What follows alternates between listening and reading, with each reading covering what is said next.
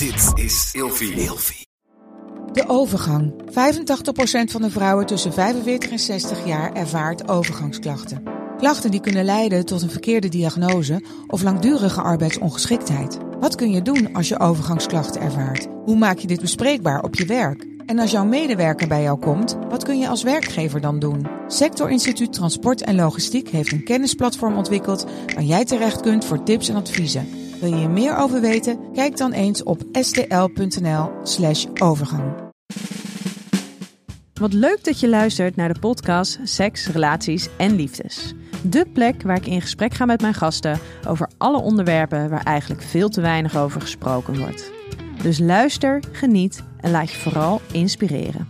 Welkom bij een nieuwe aflevering van Seks, Relaties en Liefdes. En mijn gast van vandaag is Milou Delen. Welkom. Dankjewel. Hey, we hebben elkaar al eerder eh, gesproken over vrouwelijke seksualiteit. En we gaan het vandaag hebben over een onderwerp dat ik eigenlijk wel heel erg leuk vind om te bespreken. En dat is namelijk monogamie.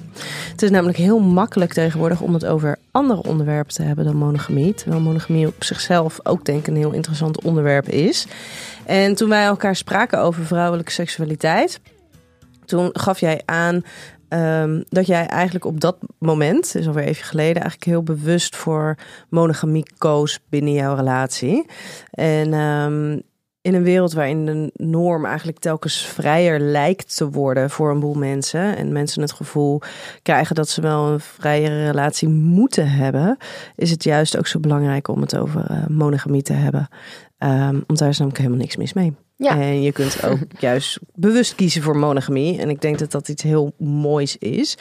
Um, nou ja, ik weet, wij, wij spraken elkaar net al eventjes. En toen gaf je al aan, ja, mijn relatie is nu niet helemaal meer monogaam. Uh, wil je daar iets over kwijt? Wat de huidige soort van status is? Ja, het is. Ja, ik, ik, ik weet eigenlijk niet wat dan de naam is. Ik, ik, ik vind het niet, helemaal niet open, maar het is niet strikt monogaam. Dus uh, mogen wel met andere tongen bijvoorbeeld of dat soort dingen. En uh, daar maak ik dan vooral gebruik van. ja, ja, wat even alsof het heel, ja. En, uh, maar hij minder dus? Ja, uh, hij minder. of eigenlijk bijna niet. Nee, eigenlijk vrijwel niet. Tot niet. Mm, en dat is eigenlijk prima tussen ons. En ik heb vooral zin om ook met vrouwen te zoenen omdat ik ook op vrouwen val. Ja, en omdat hij geen vrouw is, uh, heb ik daar uh, behoefte aan. Ja. ja. En is dat ja. ten opzichte van de vorige keer dat we elkaar dan spraken, wat, wat heeft daarin um, dingen veranderd? Wat heeft het gemaakt dat jullie daar nu dus wel op een andere manier mee omgaan? Ja, weet ik niet. Misschien puur, want volgens mij spraken we elkaar vorig jaar mei, juni of zoiets. En toen kwam de zomer eraan. Ik denk dat dat het is geweest. Toen komt daarvoor, denk ik ook, al kon het wel gebeuren, maar misschien. Gebeurde het gewoon minder? Ja, ik weet eigenlijk niet. Dat toen daarvoor net iemand gezoend? Weet ik eigenlijk niet. Um, maar ja, de zomer kwam eraan en we waren ook wat langer samen. Dus die basis van, we zijn nu 2,5 jaar samen, toen anderhalf jaar denk ik, was gewoon goed. En ik, dus en, ja. Dus toen was het van, nou, we proberen dat gewoon een beetje in zomer. Het was ook niet zo, het was helemaal niet een groot gesprek. Het was gewoon meer, ja, dat is al goed. En uh, daarover blijven we in gesprek. Van hoe, hoe zal dat de komende tijd zijn? Waar hebben we nu behoefte aan? Het is niet een heel groot thema in onze relatie. Maar we hebben het er soms gewoon even over de stand van zaken, zeg maar. Van hoe, uh, ja, ja. En het neemt gewoon echt helemaal niks af aan dat ik dan... Ik, ik voelde me heel vrij daardoor die zomer, vorige zomer. En dat was heel fijn. En ik denk dat dat bij ons heel erg bijdraagt aan... Dat we hebben het nu over zoenen, hè. Ik bedoel, dat... Um, bij ons denk ik dat het ik zou, me heel erg, ik zou me heel erg benauwd voelen als hij zegt: Nee, dat wil ik echt beslist niet en anders hebben we een probleem. Voor mij draagt het ook juist wel bij aan dat ik denk: Wat fijn dat het met jou. Ja, dat, dit, dat deze dingen allemaal bespreekbaar zijn en we zien wel waar we heen gaan. Alles is bespreekbaar en ook. Ja, ik heb wel eens me dan een beetje bezwaard gevoeld, maar moet jij dan niet. ja, want voelt dat dan niet eens gek dat je denkt van: Oh ja, maar ik doe dat wel. Um, maar dat hij er minder gebruik van maakt. Ja, dat voelde ik toen hij één keer heel dronken met iemand had gezoend, was ik heel blij. Dan ik dacht, oh nou zie je, dan ben ik in ieder geval niet. Terwijl hij wilde dat helemaal niet. Dus, en hij zei ook wel, vorige week we toevallig weer een gesprek over. Van, over de komende jaren en hoe dat dan voor me zie. En toen uh, zei ik, deed het we. Zei nee, nee, maar jij. Wil. Weet je wel, jij. En dat is goed. Dat vind ik oké. Als we er afspraken over maken, dat, hij vindt dat ook oprecht oké. Maar hij zei, je moet er mij niet bij betrekken in jouw wensen, hoe jij het het liefst voor je zou zien. Ik zei, ja, heb je helemaal gelijk. Heb je helemaal een punt in. Oh, wauw. Want ik betrok, ja, want ik betrok heel erg van, dat doen we dan, want dan is het gelijkwaardig. Ja, terwijl het helemaal niet we was. Nee. Het was, jij wil dit. Ja, jij hebt precies. deze behoefte. En hij geeft jou de Ja. ruimte om, dat, om Ja, daarop... en dat is ja. voor ons nu dan heel juist gelijkwaardig en fijn en goed. En ik denk wel dat hij het fijn vindt dat ik zeg, dat, dat denk ik dus, van dat ik er niet zo bij hem op zit. En ik zeg altijd, altijd alles kan gebeuren. En eh, ik vind het wel fijn als we het daar met elkaar over kunnen hebben. Maar ik denk dat dat wel ook niet echt druk op hem zet. Dus dat hij misschien zich daar... Ik denk dat dat ook fijn voor hem is. Maar die behoeftes, ja, dat is wel meer vanaf mijn kant. Ja. Ja, ja. Ja, dus nee, daar kunnen we echt goed over praten. En ehm, ik had toevallig eh, de afgelopen weken dat verschijnt nog een stuk geschreven over verschillende relatievormen. En dat, daar leerde ik dan ook weer zoveel van om dat soort gesprekken lang te voeren. Dat ik dacht, ja, inderdaad zeg.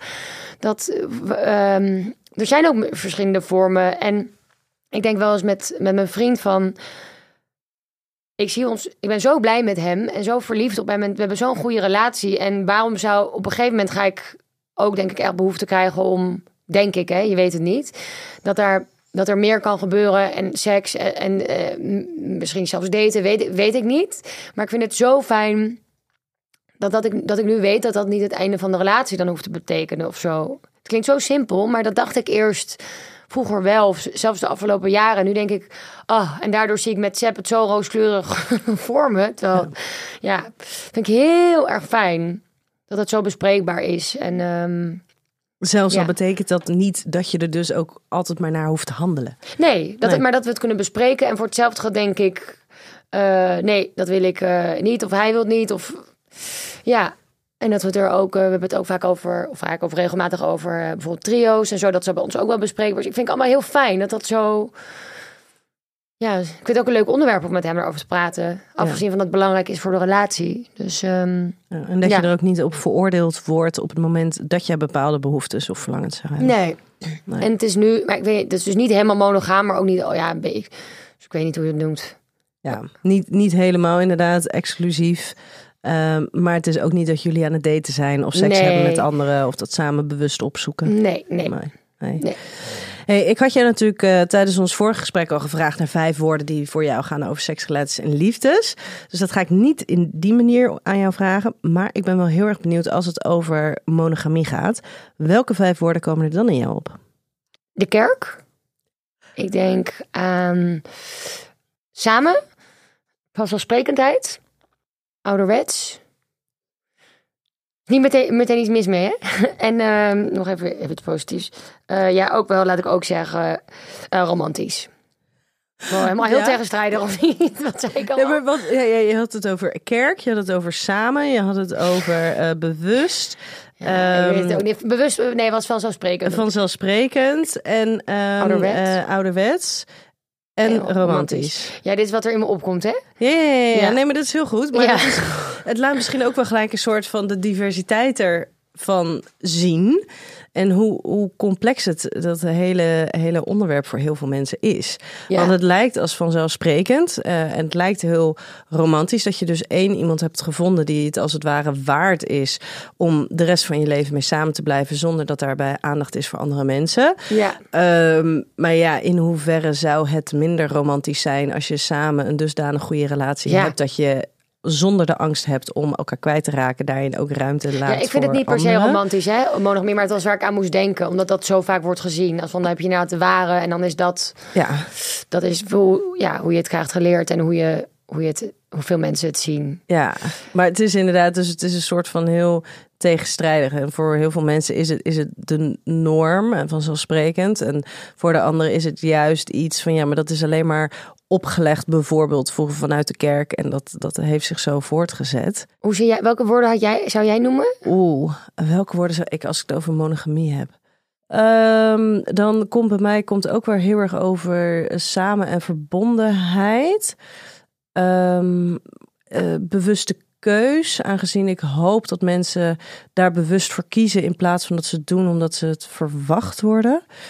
Ehm, het geeft een eh, gevoel enerzijds van veiligheid, anderzijds van schijnveiligheid. Want binnen een monogame relatie kan je elkaar natuurlijk ook nog steeds kwijtraken. En monogamie is geen garantie op een leven lang gelukkig samen zijn. Weet je, er zijn heel veel andere dingen voor nodig.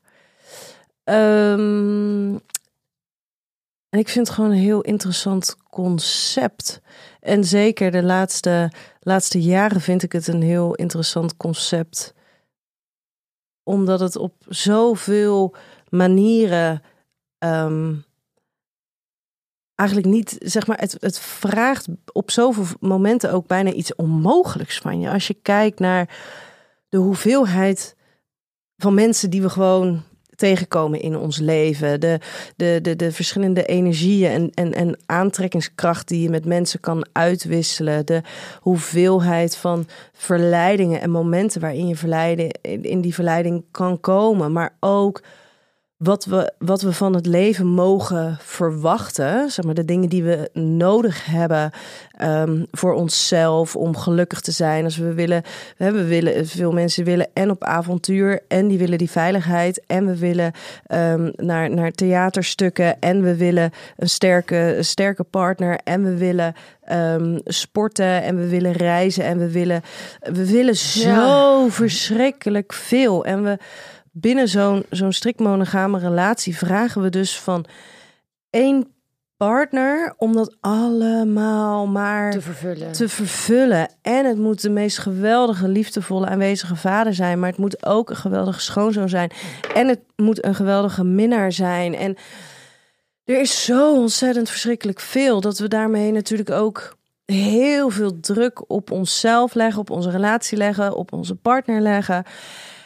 En, en dat gebeurt in mijn beleving dus allemaal door, ook door het idee van monogaam zijn. Terwijl als je eventjes een beetje dat, die druk eruit ha- afhaalt, die, die, die een beetje, beetje op uitzoomt. En van hé, maar wat hebben we nou gewoon nodig als mens? Wat Ja. mogen we van onszelf verwachten? Wat, wat, is, wat is menselijk? En dat is dat je dingen doet waar je, waar je blij van wordt met mensen die daar ook blij van worden. Ja.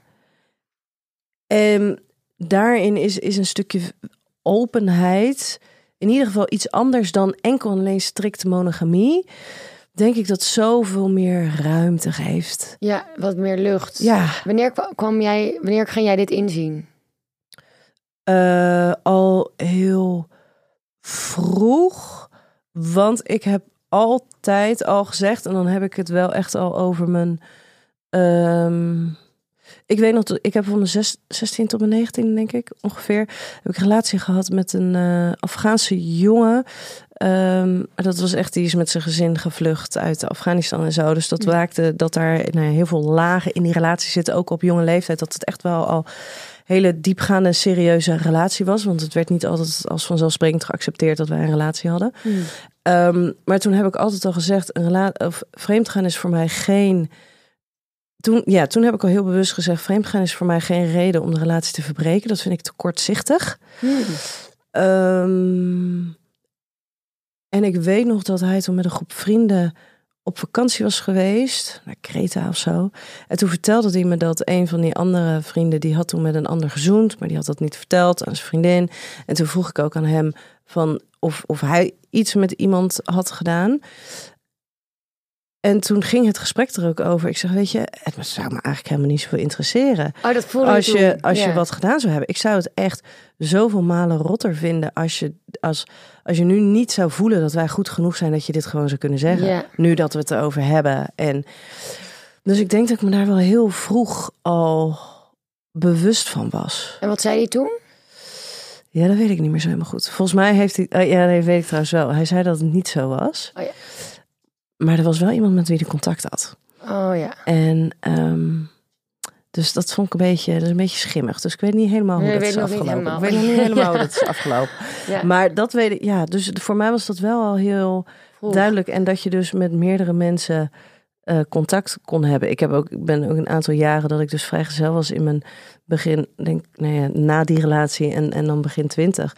Dat ik het dus ook echt geen probleem vond om meerdere scharrels te hebben. Dat kon ik heel goed.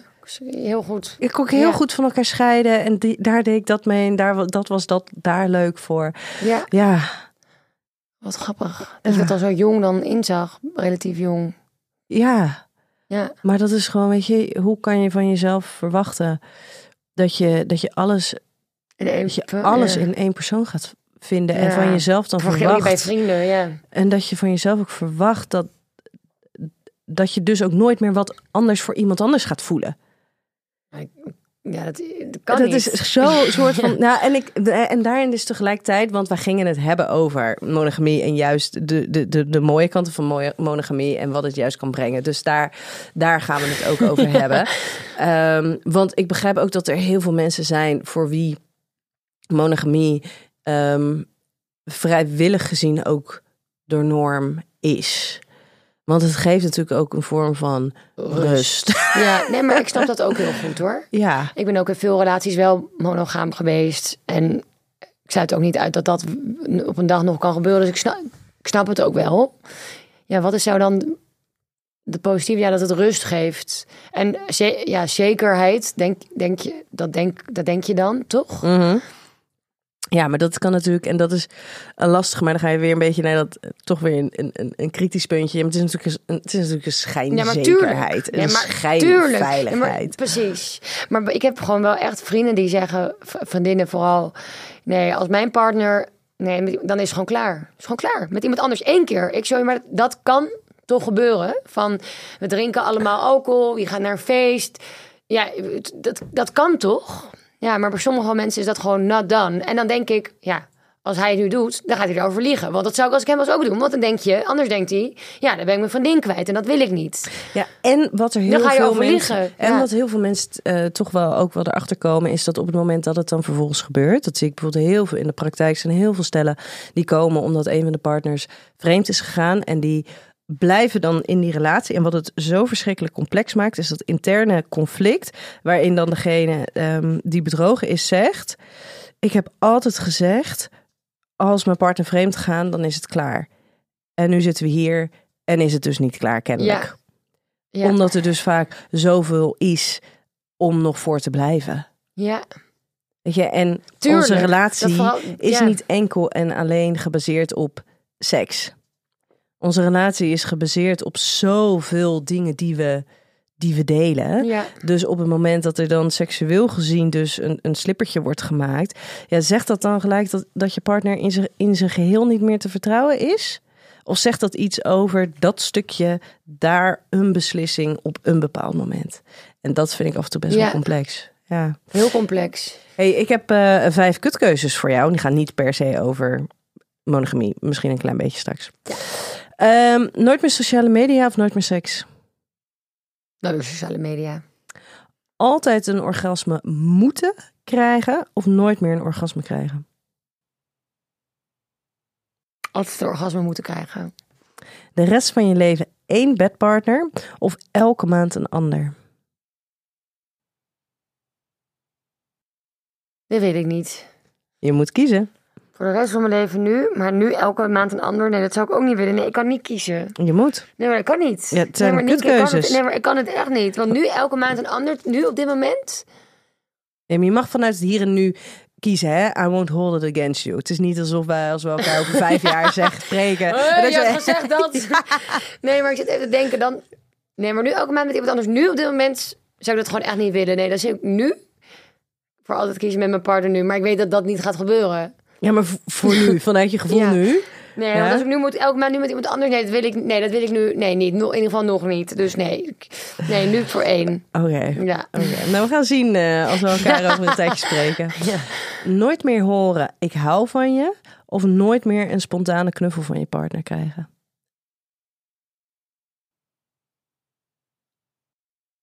Nooit meer, ik hou van je. Echt? Ja, Ja? ja. Vertel. Nooit meer spontaan. Hij kan ook andere dingen zeggen van ik heb je lief. Of je bent, je bent, je bent, maar- je bent, ja, je bent, kan met andere woorden zeggen dat als een spontane knuffel er niet meer in zit. Hebben de woorden ik hou van jou voor jou een, een, een grote betekenis? Ja, Eh, vooral omdat mijn vriend het niet zo heel vaak zegt. Oh, dus het zou niet zo opvallen Nee, als hij nog minder zou Misschien doet hij zeggen. het al een jaar niet meer. heel zelf is zo, nee, ik hou van je. Want ja, hij is zo minder, eh, sowieso minder zo van het uitspreken. Dus als hij het zegt, dan ja, vind ik echt heel fijn. Maar Ja, hij- hij zou ook iets anders kunnen zeggen. Ja, oh, grappig. Ja, nou nee, niet zozeer grappig, maar bijzonder, sorry. Ja, ja, ja. Ja, stom is dat eigenlijk, hè? hoe we dat soms zeggen. Van, oh ja, grappig. Terwijl dat dan echt totaal niet, niet grappig, grappig is. is, ja. bijzonder. Bijzonder. Altijd degene zijn die initiatief neemt in de seks. Of altijd degene zijn die zijn partner moet afwijzen. Want we dus altijd initiatief nemen. Altijd degene zijn die het initiatief moet nemen tot seks. Of altijd degene moeten zijn die zijn partner afwijst, Afwijst. omdat die altijd het initiatief neemt. Ehm, ja, ik zou dan toch altijd degene zijn die het initieert. Ja. Is dat ook hoe het tussen jullie verdeeld is? Of Mm, nee, ik denk allebei wel een beetje. Wel, nu, wel in fases. Ehm, maar ik denk dat ik hem vaker afwijs. Dus hij, ik zeg vaker nee dan hij nee zegt. zegt hij wel eens nee? Weinig, maar wel eens. Hoe voelt dat voor jou? Vind ik helemaal niet erg. Nee? Nee. Nee, dat is dus het ding. Maar hij vindt wel soms... van alles op je gezicht. Ja, Dit is heel grappig. Nee, want, ja? ja? dan denk ik, oh, oké, nou als jij geen zin hebt. Nee, ja, ik bedoel dan niet. En wat doe jij dan? Dan, eh nee, was het? Eh, ja, dan, dan, ja, dan ga ik gewoon maar, dan denk ik, oké, nou ja. Nee Maar dan, draai je dan om en ga je slapen? Of zeg je dan, oh, dan doe ik het zelf wel even? nee, dan draai ik om en ga ik slapen. Want dan heb ik zin, vaak zin in seks met hem. Mm. Nee, dan, nee, dat vind ik niet, ik vind het dus nooit zo erg. Ik neem het gewoon, ik vat het helemaal niet persoonlijk op. Terwijl andersom dus wel soms. denk ik, ja, pff, ik heb, Ben je dan geneigd om te zeggen, oké, doe dan maar wel. Nee, ja, soms denk ik ook, nou, kom op even zin maken. Of oké, een beetje tuurlijk even. Maar nee, soms zeg ik ook nee, gewoon nee. En ja, zeg gewoon nee. ja. ja. Ook al is hij dan dan een beetje beledigd. En dan denk ik Ja. altijd, en dan denk ik altijd, ja, maar liefje, pff, ja, pff, ja. Mooi. Hey, ik heb eh, vijf stellingen voor jou. En ehm, eh, die hebben dus betrekking op monogamie. Ehm, maar let wel, we gingen het over het mooie en het positieve Ja, ja, maar laat me ook benadrukken hè? dat ik vind ook dat Ja. dat er is. Ja. Ja. Jij ook. We zien het allebei in. En eh, ik, vind- ja, ik vind, eh, ja, oké. Dus ik zou mijn rekening houden in mijn keuzes. Oké, de eerste stelling. Er is een wezenlijk verschil tussen monogaam moeten zijn en ervoor kiezen het te zijn. Ehm, maar wat moet ik hiervoor tussen kiezen? Nee, nee, nee, dit is een Oh. stelling. Oh, dat het. eh, oh ja, ik dacht dat ik moest kiezen. Ik dacht, ja, precies. Dus we gaan moeten zijn en willen zijn. Ja, dus precies. Of je. Dus het. Ja, dat is er, dat verschil. Want is het een bewuste keus? Of is het iets omdat je denkt dat het hoort en dat het moet? Ja, maar zijn er een boel mensen, denk je, die die keus bewust maken? Of zijn de meeste mensen dit toch wel hierin verstrand geraakt omdat dit is wat ze... Ik denk dat de meeste mensen Doen. het gesprek niet hebben.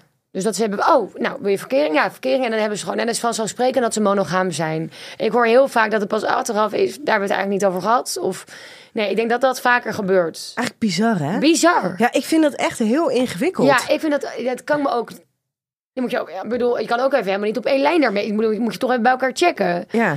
En, en daar is natuurlijk, weet je, ik ben ook absoluut geen groot voorstander van eh, mensen. En daar zie je het dus wel vaak expliciet gebeuren. Dat mensen een relatie ingaan en dan eh, echt direct vanaf het begin zeggen: Maar ik wil absoluut geen monogame relatie. En dan denk ik ook wel: hmm, dit is vrij soort van hard helemaal in zo'n eerste fase waarin je verliefd bent. En dan zou er, als het goed is voor de meeste mensen, helemaal geen ruimte zijn voor andere mensen. En dan wil je heel graag met de ander zijn. Of dat iemand gaat van ja, maar ik wil pertinent, wil ik, eh, ben ik polyamoreus.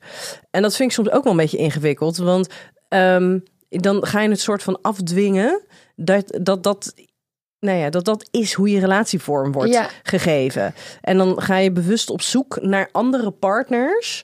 ehm, in plaats van een beetje het meer wat, wat natuurlijke laten ontstaan. Van oké, de mogelijkheid is er. Mocht er een keertje iemand langskomen die interessant genoeg is, dan kunnen we dan kijken Ja. hoe dat zich ontwikkelt. Maar een soort van oké, dit is hoe het is. Punt. Ja, maar ik denk dat mensen dan inderdaad ook bang zijn van... Dat ze dat maar op die manier zeggen van... Om maar duidelijk genoeg te zijn van... Dat gaat het worden. En, eh, of dat is het. En eh, Ja, maar daarin Ja. verlies je op Ja, het moment precies. dat je zo principieel daarin gaat. ja, verlies je dus ook een soort van het contact met je, nou ja, met, met je eigen gevoel, met, met je eigen behoeftes op, op, op een bepaald moment of zo. Ja. Ja. Ja. Het is een soort van heel rigide. Ja, maar aan de andere kant is het ook een.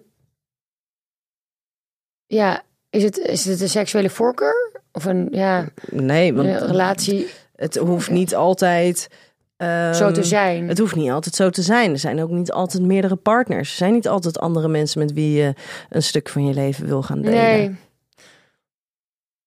Nee, ik denk dat je het in, dat, dat dat nooit een manier is om het zo te zeggen. Van, eh, ja, ik denk dat je het er altijd beter over open kan hebben. Maar ik zit even Ja. te denken.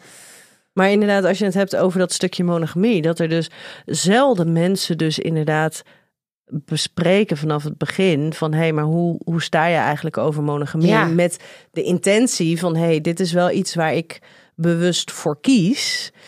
Eh, omdat, nou ja, omdat dat meer bij mij past. Omdat ik dat gewoon heel prettig vind. Omdat ik het fijn vind. Omdat ik het lastig vind om mijn aandacht aan meerdere mensen te, Ja, te, te, te geven. en maar moet je ook voorstellen dat je dan vanzelfsprekend, dus dat je het er niet over hebt gehad, monogame relatie hebt. En dat je daar nooit met elkaar over hebt gehad. En dat iemand na een paar jaar zegt, ja, ik wil wel een keer met iemand anders. Nou, dan zou ik me ook kapot schrikken. Ja, maar dat is dan een enorme Een klap. klap. Dat Ja, heeft een enorme impact op de Ja, relatie. want dan lijkt het inderdaad van of er iets mis met die relatie, dat dat ineens zo komt.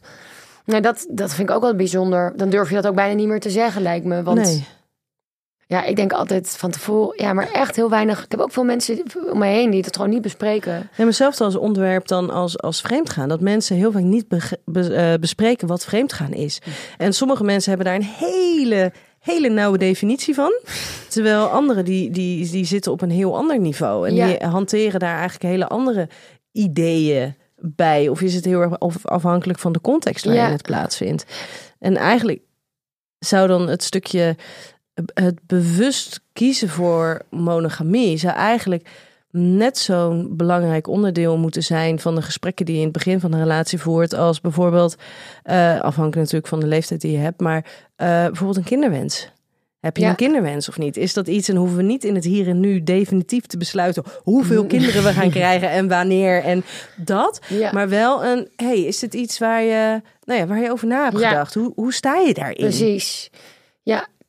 Ja, moeten we dat gewoon bespreken. Ja. Eh, ik heb ook een vriendin en die eh, kreeg toen verkering met iemand. En die, die had toen een keer heel dronken met iemand gezoend. En die ging dat tegen haar vertellen. En zij zei, waar vertel je dat? Maar ze hadden helemaal geen afspraken gemaakt over Wat wel en wat, wat niet. niet. Want zij zei, dat ga je toch niet vertellen? Dat wil ik toch helemaal niet weten als het een keer gebeurt. Ja, moet je wel tegen, even met elkaar over hebben. Ja, Ja, Ja. ja. bijzonder. Door monogaam te zijn heb je meer oprechte aandacht voor de ander. Ja, dat weet ik dus niet. Of dat zo is. Dat weet ik niet. Want als je volgens als je monogaam bent, kan je ook juist heel erg met je gedachten bij anderen zitten. Een soort van de verboden vrucht of zo. En dan kan je ook weer dan heel met je, met je aandacht ergens anders zitten dan alleen bij die ene partner. Ja, maar stel het is iets waar je bewust voor kiest. Ja, dus als je het allebei wil, ja, Ja. misschien dan wel. Zit daar dan het verschil in, denk je? Daar zou een verschil in Ja, kunnen als je het zitten. allebei bewust wil. Ja. Dat je meer beschikbaar bent voor elkaar. Ja. Maar ik voel me juist het meest beschikbaar ooit nu, omdat ik zo, me ook zo vrij voel. eh, zeg maar dat ik me niet benauwd voel. En daardoor ben ik ook juist het meest beschikbare ooit voor mijn partner. Dus, maar ik denk als je eh polyamoreus bent en je hebt meerdere partners, stel dat is jouw vorm, dan is het letterlijk logisch dat je minder tijd hebt. Maar dat betekent niet per se dat je minder aandacht hebt. Dat is iets anders, denk ik. Ja. Denk je net een, dat dat misschien wel een, een voordeel, vooroordeel is? Dus mensen die ervoor kiezen om monogaam te zijn, is omdat ze dan denken dat ze meer oprechte aandacht hebben voor een ander? Dat dat, dat, dat een vooroordeel is? Ja. Ja, misschien wel. Dat ze bang zijn dat op de, of nee, dat zij dus het vooroordeel hebben naar mensen die dat dus niet hebben, die dus niet monogaam zijn, dat ze dus altijd minder aandacht zullen hebben voor een partner. Ja. Dat het altijd ten koste gaat daarvan. ja. Ja. Ja, interessant. Als je stukken van jezelf met een ander deelt dan je partner, zal je partner je nooit helemaal leren kennen.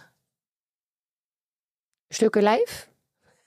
nou, dat kan ook. Oh, Dat kan stukken? ook absoluut. Nee, meer in, in wie jij bent als persoon. Dus delen, van je, delen van je leven, delen Oh, van je ja. persoonlijkheid, delen van jouw eh, interesses met een Ja, ander deel. dan kan je nooit... dan kan je partner jou nooit helemaal leren kennen.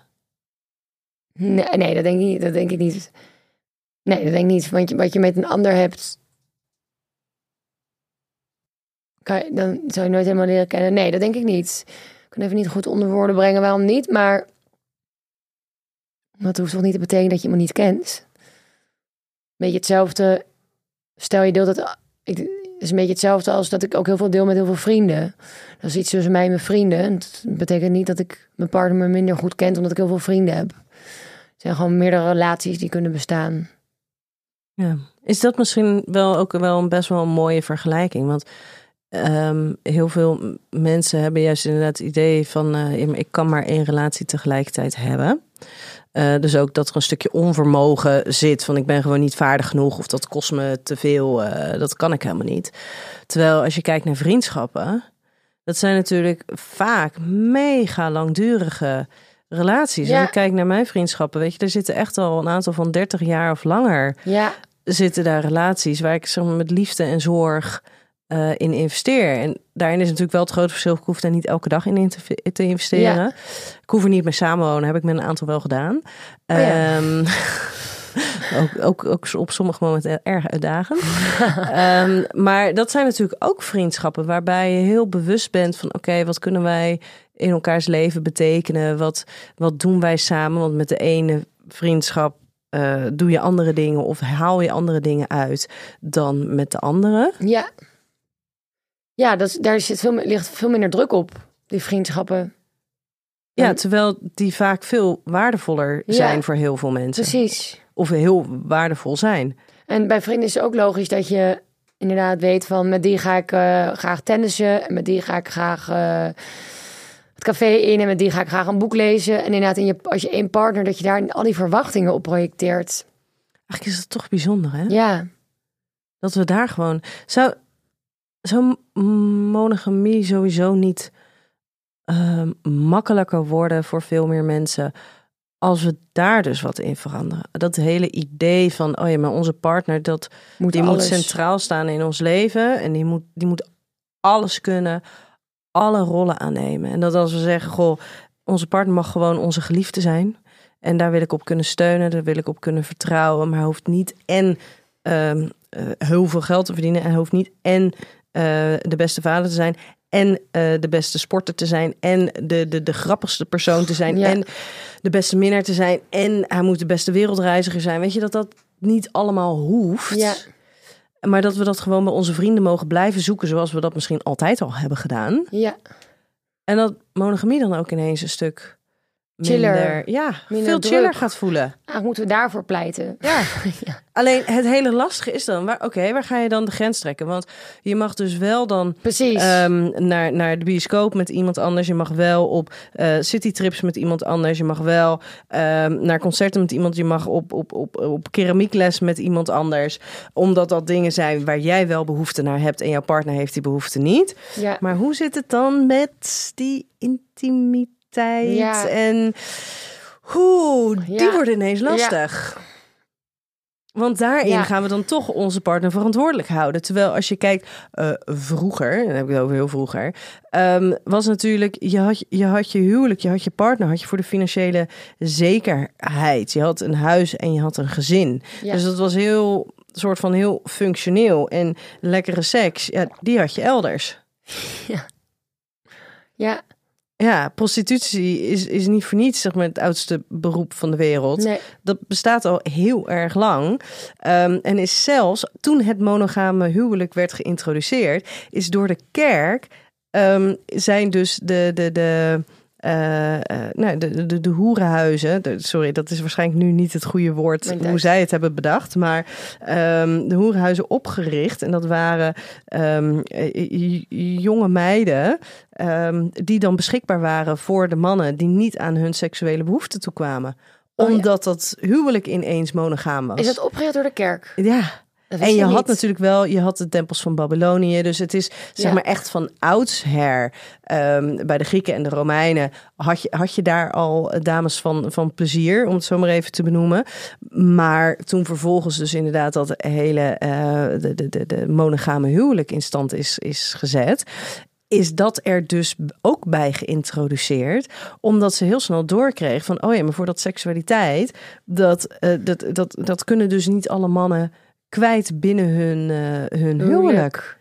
Dus daarvoor gaan we iets anders eh, eh, faciliteren. Ja. Ah. Dus dat is heel, eigenlijk heel gek. Dat zelfs binnen het monogame huwelijk vroeger seks al niet als vanzelfsprekend binnen dat Ja. monogame huwelijk hoorde.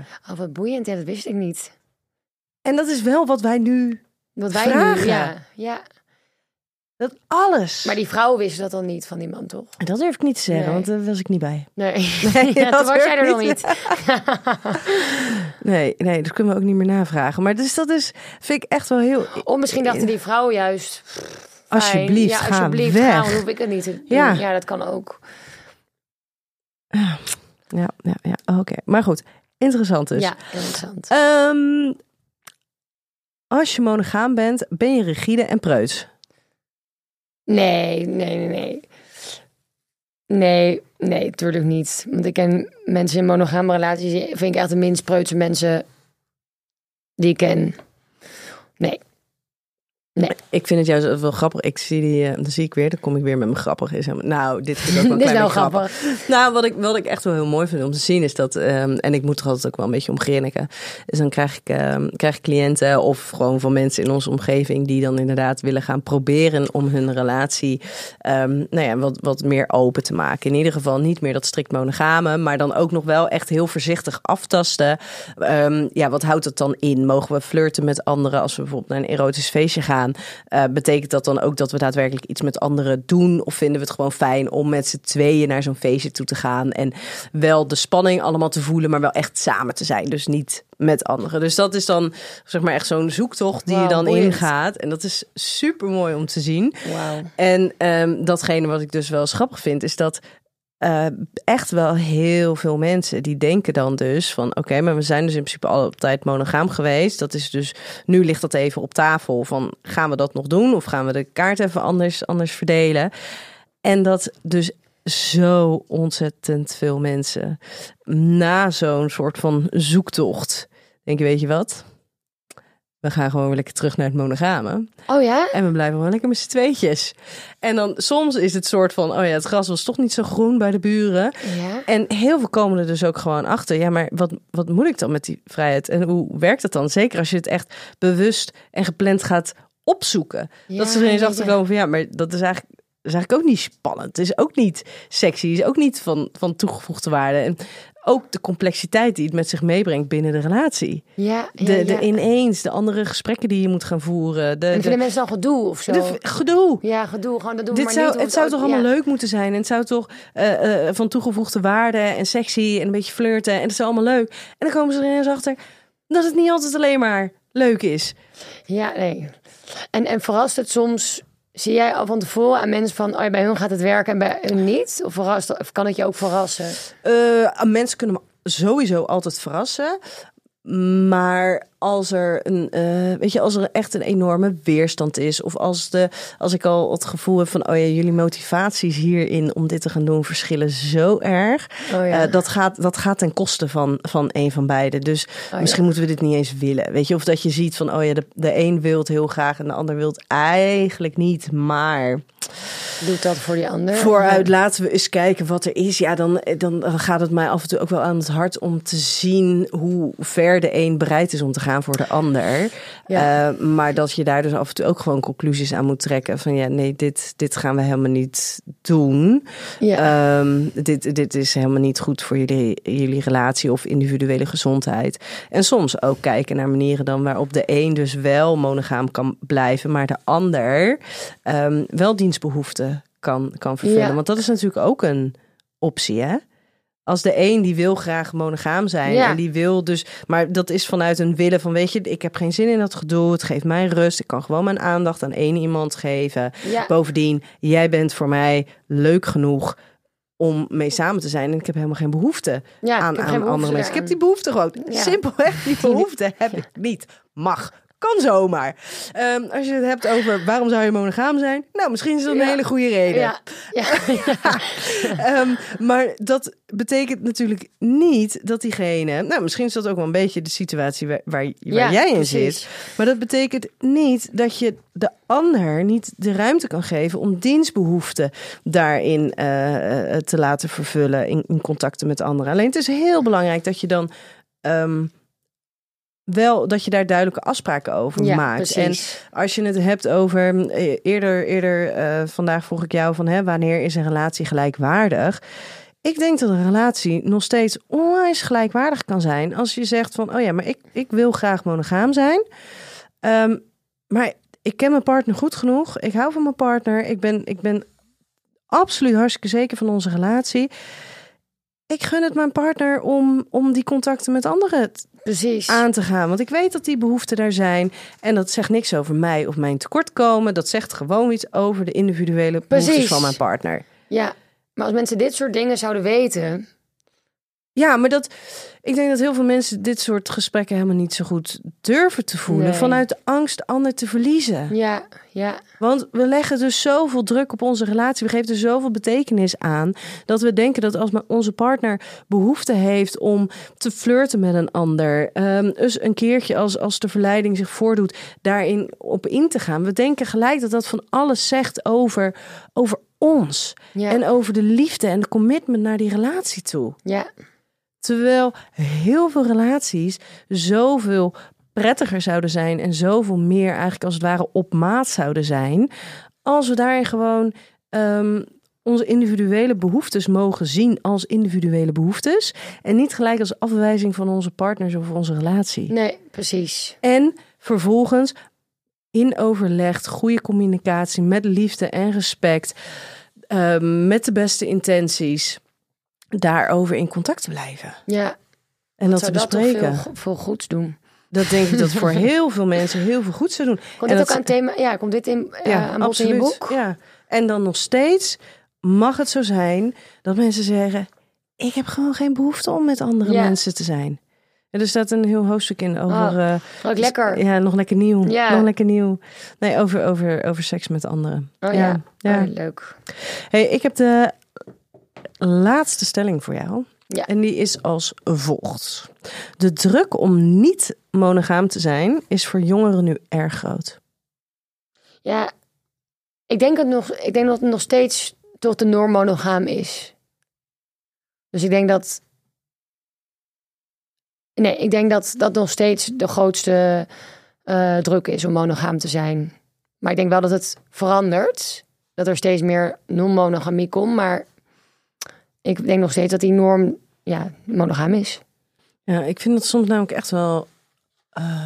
me ja, toch, ja, nou, ik vind het echt wel lastig dat. Je, s- dat ik, ehm, ik heb het hier dan inderdaad over, over jongeren. Maar ja, wat is dan, hoe oud ben je als je jongere bent? Ehm, maar dat veel twintigers echt wel ook het gevoel hebben dat ze oké moeten zijn met alles. ja, maar ik, om mij heen zie ik dat dus niet. Want ik heb heel veel hetero vriendinnen. Ja. Waarom zeg ik nou hetero? Nou, ik weet niet. In ieder geval, ze zijn Nou ja, hetero. maar ik daar heb zit- heel veel vriendinnen. Ja. En die, ehm, misschien hebben die vaker dan hetero relaties, ik weet niet. Maar, ehm, en die hebben echt allemaal vanzelfsprekend bijna, een, bijna allemaal een eh, monogame relatie hoor. Maar misschien, ik snap misschien wel waarom Ja. je zegt eh, specifiek hetero vriendinnen. Eh, omdat er denk ik wel een verschil is tussen mensen die zichzelf als heteroseksueel identificeren en die eh, mensen die zich als onderdeel van de queer Ja, community voelen. ja daar is dat toch meer bespreekbaar. Ja, Ja. maar daarvan vind ik het dus best wel spannend. Van ja, maar moet je daarin alles als, eh, als je onderdeel bent dan van die queer community? Nee, Moet je altijd alles maar oké vinden? Of mag je ook gewoon zeggen, ja, maar ik zit dus gewoon in, in een monogame relatie. ja, dat wil ik. Punt. Ja. Ik, ik keek Married at First Sight. En er was ook een gay koppel, twee mannen. En die zeiden ook van, een van die twee mannen zei ook... Ik wil zo graag een monogame relatie, maar dat is een soort Waren dat Sonny en... eh, Nee, dit was seizoen 5. Ik dacht dat dit Oh. het nieuwe seizoen was. Ja. Ik heb toevallig. Ken dat heb ik, ook? Nou, nee, nee, nee, niet. Maar ik heb toevallig eh, Sonny op. eh, of de Dylan. en, en Sonny hier op bezoek gehad. Oh, en die kijk. waren dus inderdaad. Die waren, zaten er vorig jaar zaten zij erin. oh, en die hadden dus inderdaad. wilden ook heel graag gewoon een monogame relatie. En dat dat moeilijker is om te vinden, maar dat er ook vooroordelen zijn van als je gay bent, dat je dan sowieso open wil. En vooral als man. En dat dat, lijkt me ook lastig. Ja, maar dat is inderdaad, daarvan weet ik het inderdaad ook ehm, van een aantal eh, homoseksuele mannen die ook het gevoel hebben dat het hebben van een monogame relatie, dat het dus eh, dat, dat dat eigenlijk bijna een beetje nadan is. Ja, precies. Terwijl er echt verdomde veel mannen zijn die op zoek zijn naar een, een, een monogame relatie. Tuurlijk. Juist binnen die, die homoseksuele wereld waarin non-monogamie ehm, eigenlijk zo normaal is. Dus die willen, die, Ja. die, die streven zo graag naar monogamie, naar juist naar die rust, naar kunnen bouwen op iemand, kunnen vertrouwen en dat ze meer kunnen opbouwen en delen met iemand dan alleen maar seks hebben. Ja, precies. Lijkt me ook moeilijk hoor. Dat je dan dat maar steeds moet verantwoorden dat je gewoon monogaam wil zijn. Het is, en het is eigenlijk natuurlijk van de zot, hè? Ja. Maar moet je nagaan hoe we met z'n allen dus zo, zo bijdragen aan bepaalde stereotypen en, en beelden van hoe het zou moeten. Ja, pff, En dat heteroseksuelen moeten vechten voor een, eh, een non-monogame relatie, dat zij zich daarvoor moeten verantwoorden. En dat homoseksuelen zich moeten verantwoorden voor een monogame relatie. Dat is toch eigenlijk is toch bizar? maar ik denk, even kijken, heteroseksuelen die moeten vechten voor een... Non-monogame Ja, relatie. precies. Ja, zich ja. moeten verantwoorden. Ja, ja, ja, ja, en dat ze dan ineens Ja. tekst en uitleg verschuldigd zijn aan andere mensen Ja. waarom ze dat willen. Of Zo hoe ze... vermoeiend eigenlijk ook. Jongens, doe gewoon lekker Ja, allemaal ja, je eigen elkaar- ding. Laat elkaar. Zouden we dat maar wat meer doen? Oh, dat lijkt me heerlijk. Ja, al die vragen en al die dingen. Ja, en vanuit nieuwsgierigheid vind ik het echt wel leuk als er Ik ook. vragen gesteld worden. Nee, en ook. vanuit het, het, het, het hele het leren en het groeien of zelf processen door kunnen maken. Maar het kortzichtige oordelen over Oordelen. anderen. Ja. Alsjeblieft. Ja, Ja, vermoeiend. heel vermoeiend. Ja. hey, wij gaan hem eh, afronden, want er moeten kinderen van school gehaald worden. Oh ja. Ja, sorry. Sorry. Nee, nou, sorry. Eh, ik vond het heel erg fijn dat jij er weer was. Ik vond het ook leuk. Ik vond het heel erg gezellig. ik vond het ook leuk. Ja, moeten we misschien eh, nog een keertje gaan doen. Nou, Gaan we ik doen. graag. Helemaal goed. Ik, en ik ben heel erg benieuwd wat jij, of, hoe het over vijf jaar is met je de rest van je leven één bedpartner of elke maand een ander. Ja, ik ben ook Ja. benieuwd. Mhm. Ik Heel denk ergens tussen dat het ergens... ja, ik ben benieuwd. Vijf jaar. We gaan het zien. We gaan zien. Nee, we spreken voor elkaar voor, eh, voor die tijd wel. Ja, Ehm, dankjewel. jou ook bedankt. En eh, lieve luisteraar, tot de volgende keer bij een nieuwe aflevering van Seks, Relaties en Liefdes.